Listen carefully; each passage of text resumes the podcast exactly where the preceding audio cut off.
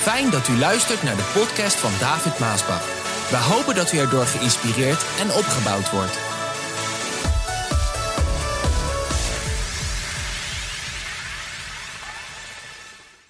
Leer God kennen. En we lezen uit de Bijbel, uit het schriftwoord van God, uit Handelingen 17, vers 16. En luister wat daar staat. Terwijl Paulus in Athene op hen wachtte, viel het hem op dat er overal in de stad beelden van allerlei goden stonden. En dat stoorde hem. Het laatste herhaal ik, en dat stoorde hem.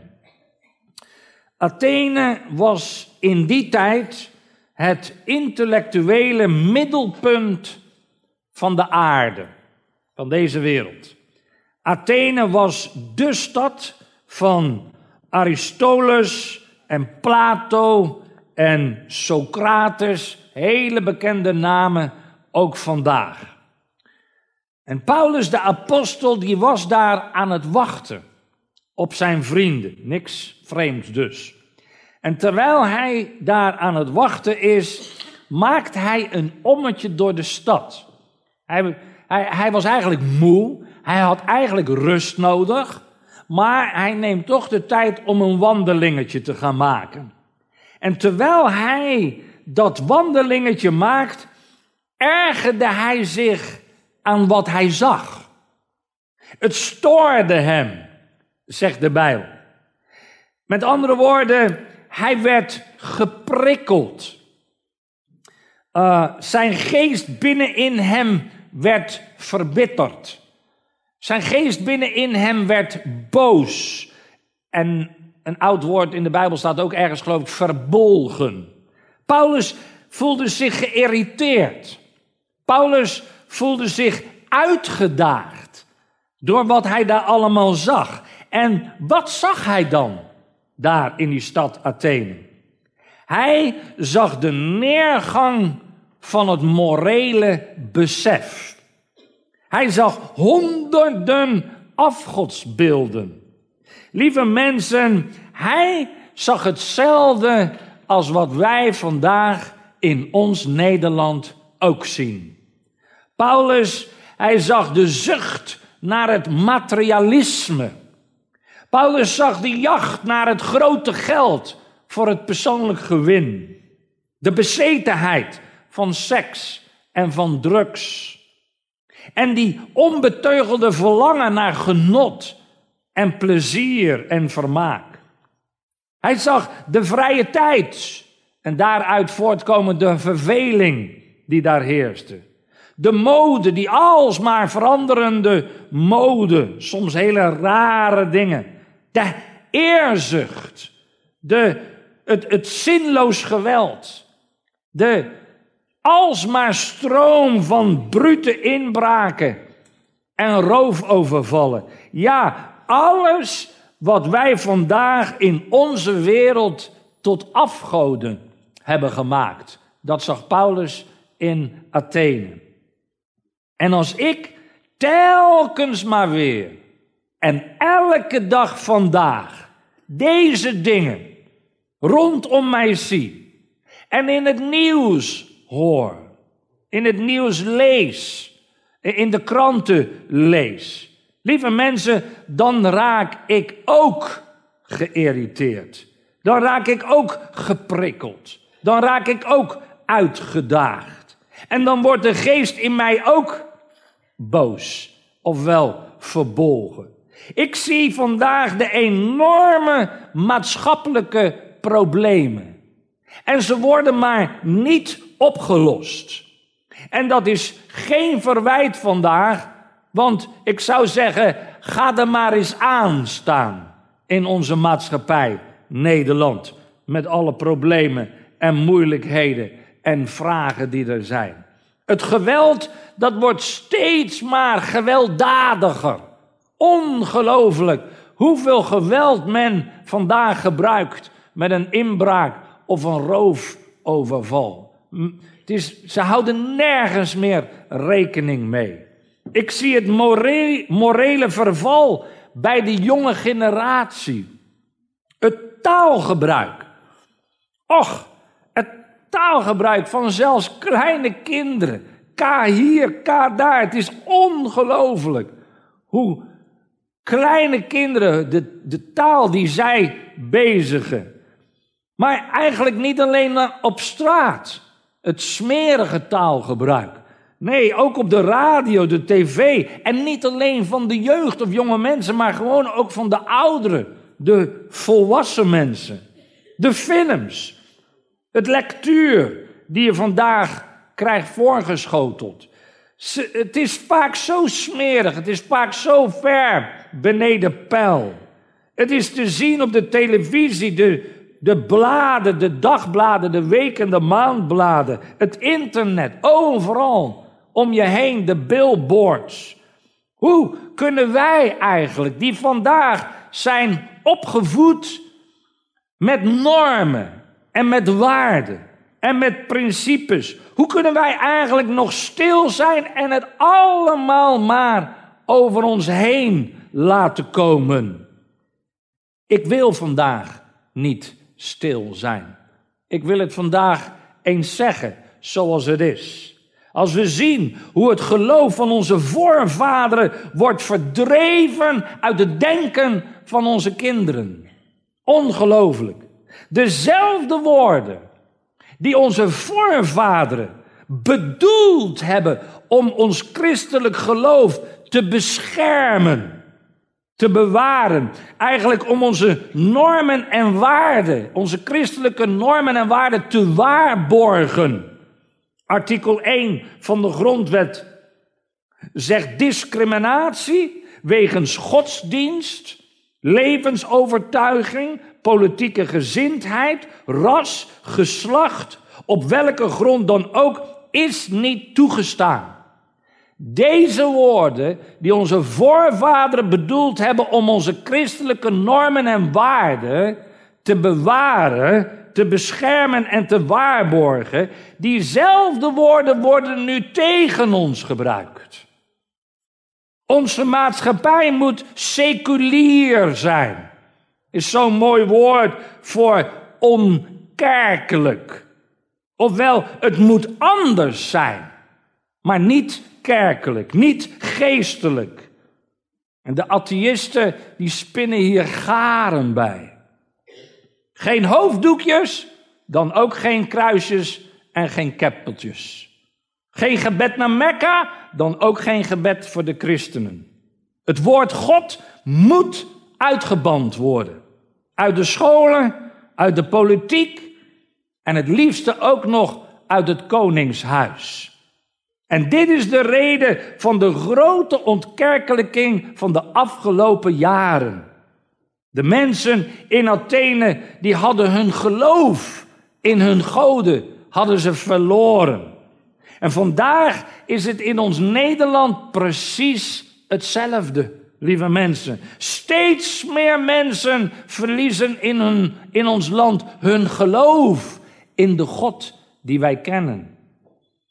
Nederland is een van de meest seculaire landen in de wereld. Wij hebben ontelbare materialistische afgoden in ons land. We hebben een afgod gemaakt van vrije seks. Dat is al jaren zo.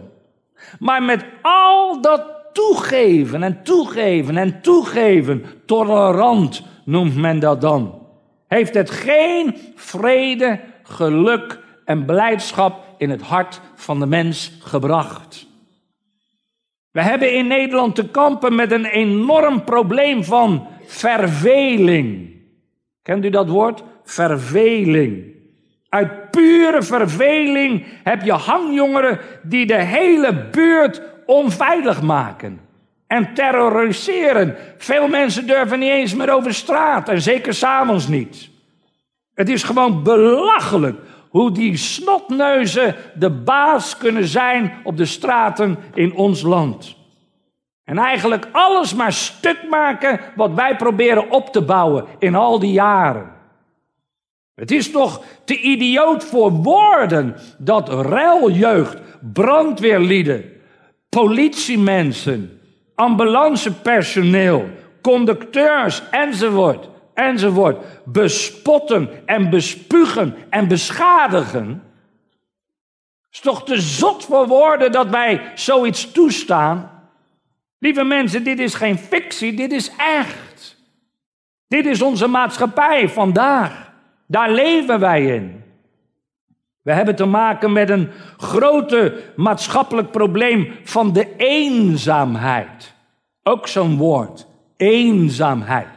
Hoeveel mensen zijn er vandaag in ons Nederland niet eenzaam?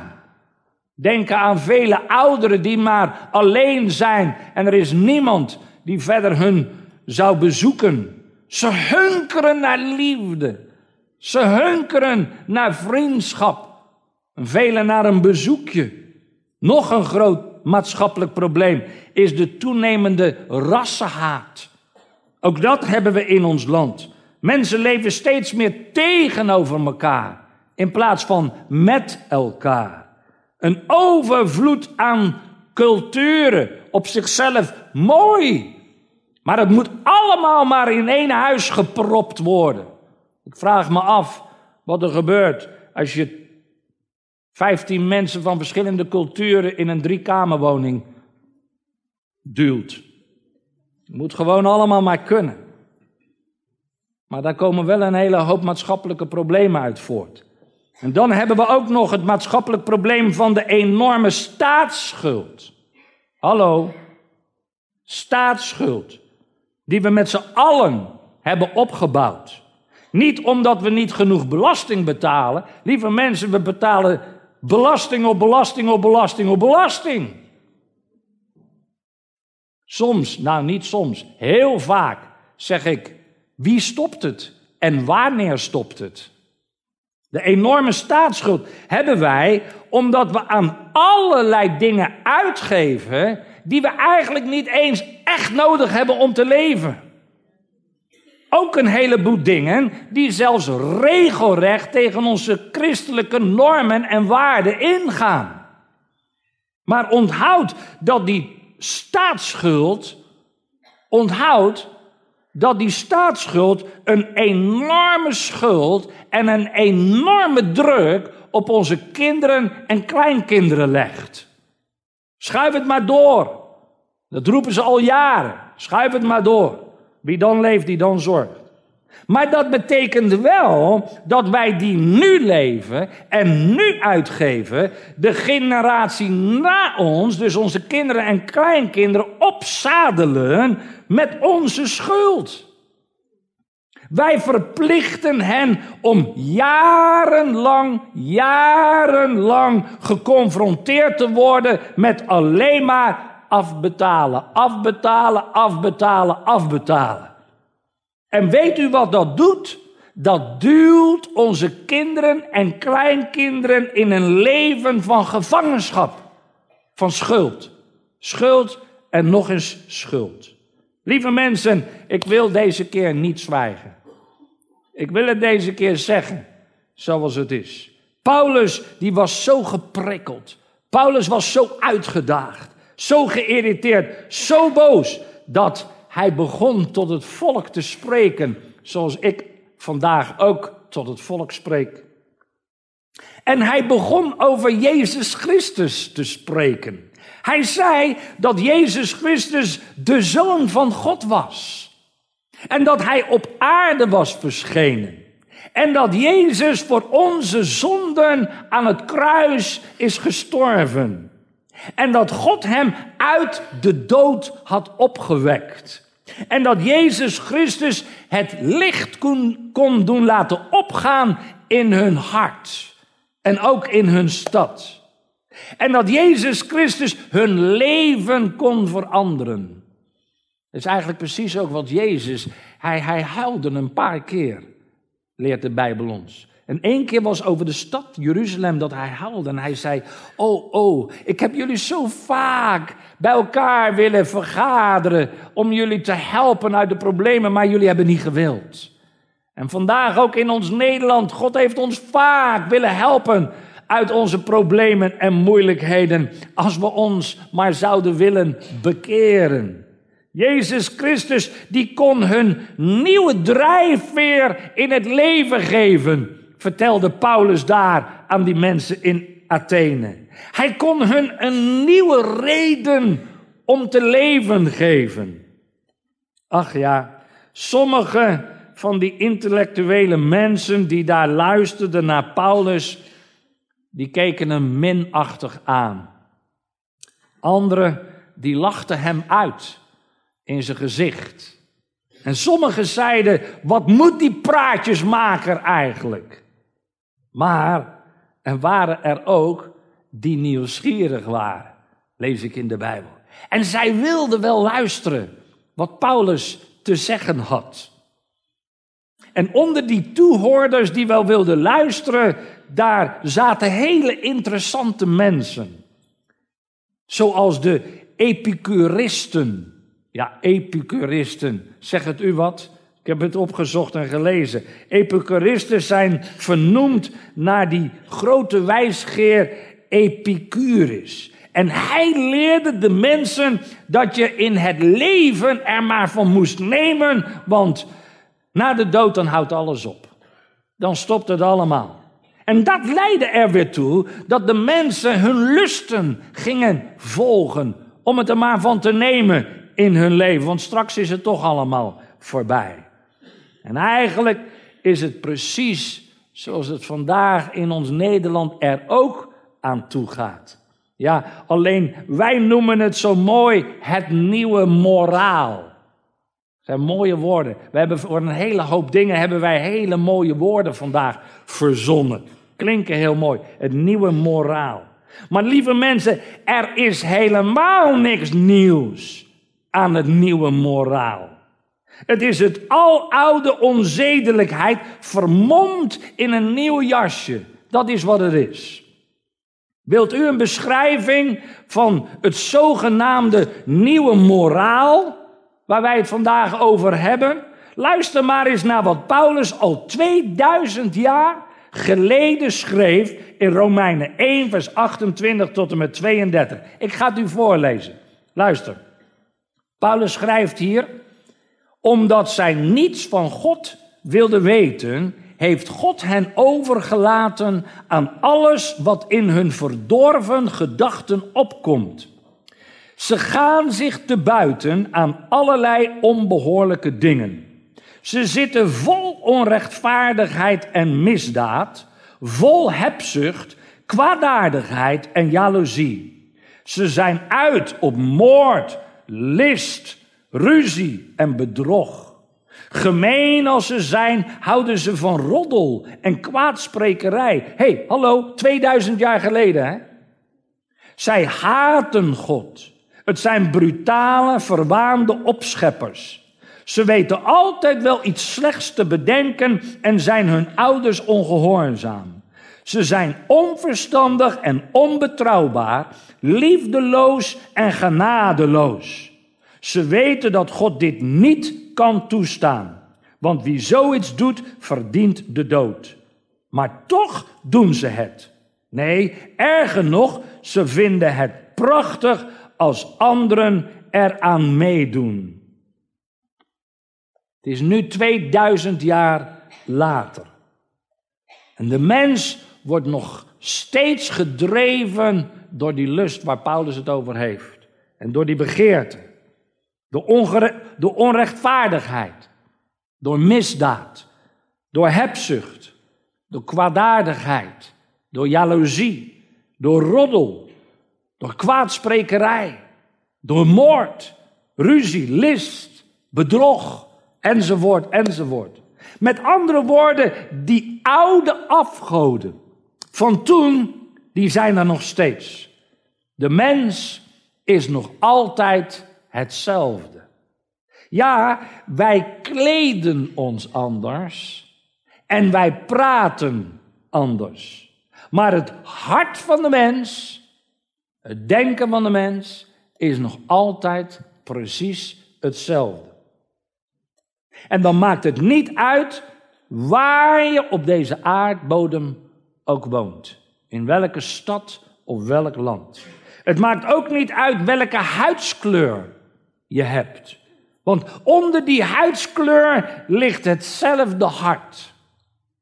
Met hetzelfde, met dezelfde eenzaamheid. Dezelfde leegte. Hetzelfde verlangen.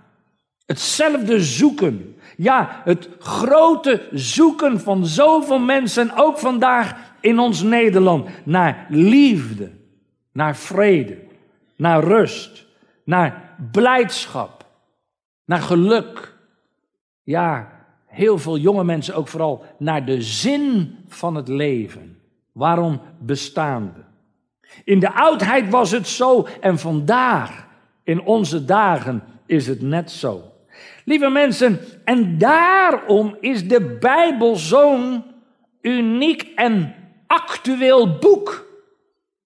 Echt, ook vandaag. De Bijbel heeft meer te zeggen over de moderne mens en tot de moderne mens dan welk ander boek in de wereld dan ook. De Bijbel is geschreven voor alle mensen, voor alle tijden. Waarom voor alle mensen en waarom voor alle tijden? Omdat de mens nooit veranderd is. Het hart is nog altijd hetzelfde. De Bijbel zegt dat de mens tegen God is opgestaan. De Bijbel zegt dat de mens van God vervreemd is geraakt. De Bijbel zegt dat de mens door de zonde van God is afgescheiden. David zeggen dan mensen, waar komt dan al dat nieuwe geweld wat we vandaag om ons heen zien en lezen en horen, waar komt dat dan toch vandaan? Lieve mensen, er is niks nieuws onder de zon.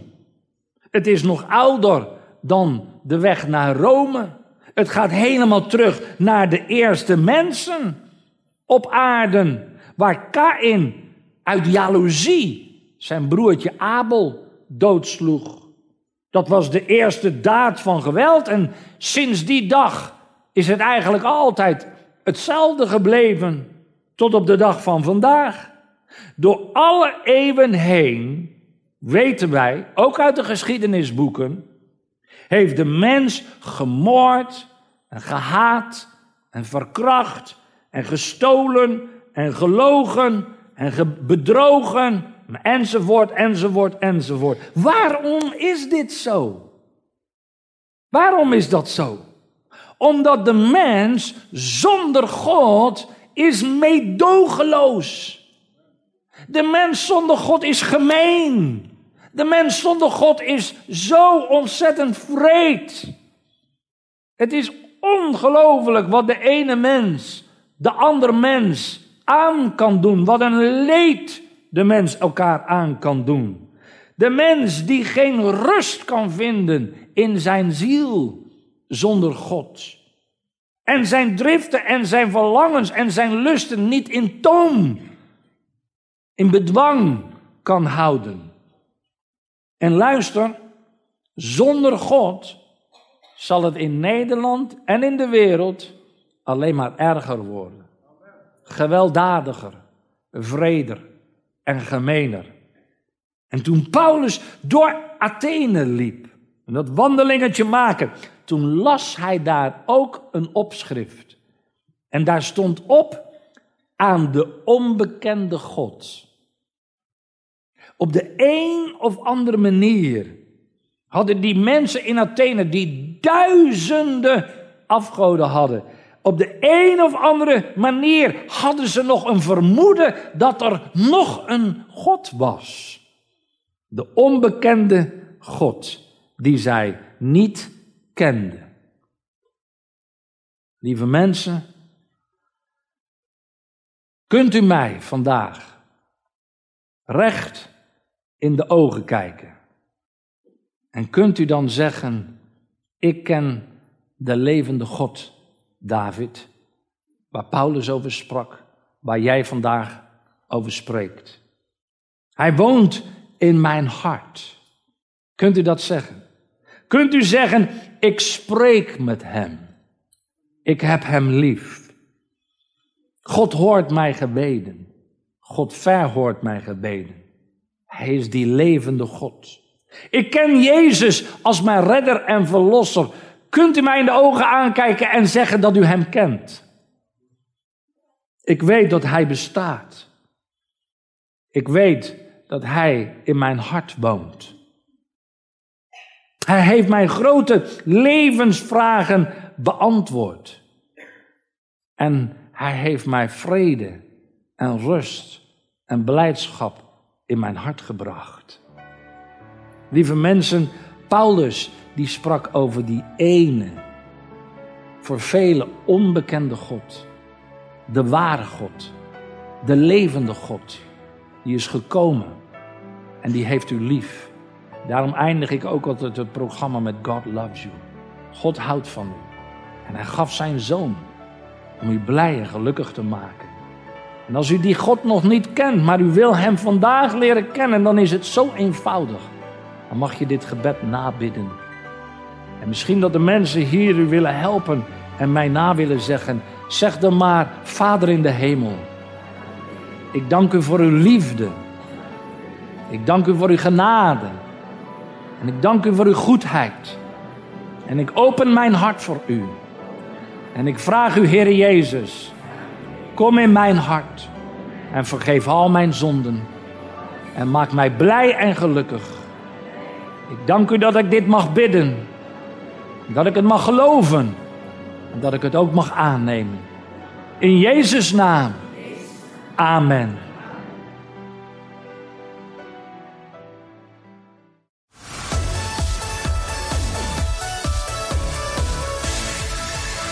Bedankt voor het luisteren naar deze podcast. Wilt u meer preken beluisteren? Ga dan naar message.maasbachradio.com. Bezoek ook eens onze website www.maasbach.nl